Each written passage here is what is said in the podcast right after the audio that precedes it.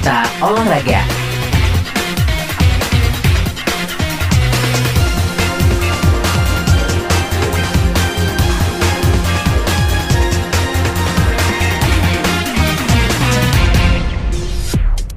Saya Jeni Putra untuk berita olahraga. Arema FC memberikan respon terkait surat PT LIB bernomor 65 garing LIB strip KOM garing 3 garing 2022. Surat tersebut berisi permohonan izin menyelenggarakan laga pekan ke-34 Liga 1 2021-2022 antara Bali United melawan Persik Kediri di Stadion Kapten Iwayan Dipta Gianyar yang notabene kandang Bali United.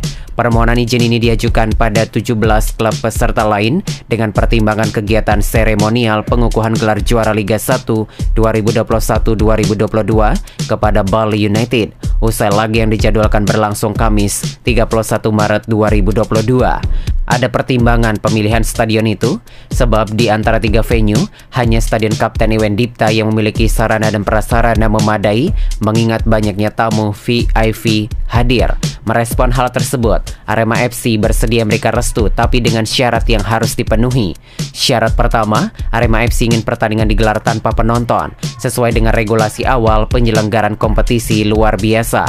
Syarat kedua, dari tim berjuluk Singoedan tersebut meminta PT LIB bersikap adil kepada semua klub. Penyesuaian ini dilakukan karena berhubungan dengan momen spesial yang melibatkan klub. Karena itu Arema FC berharap PT LIB bisa berkompromi jika ada klub yang mengalami momen serupa pada kompetisi berikutnya. Demikian saja nih Putra untuk berita olahraga.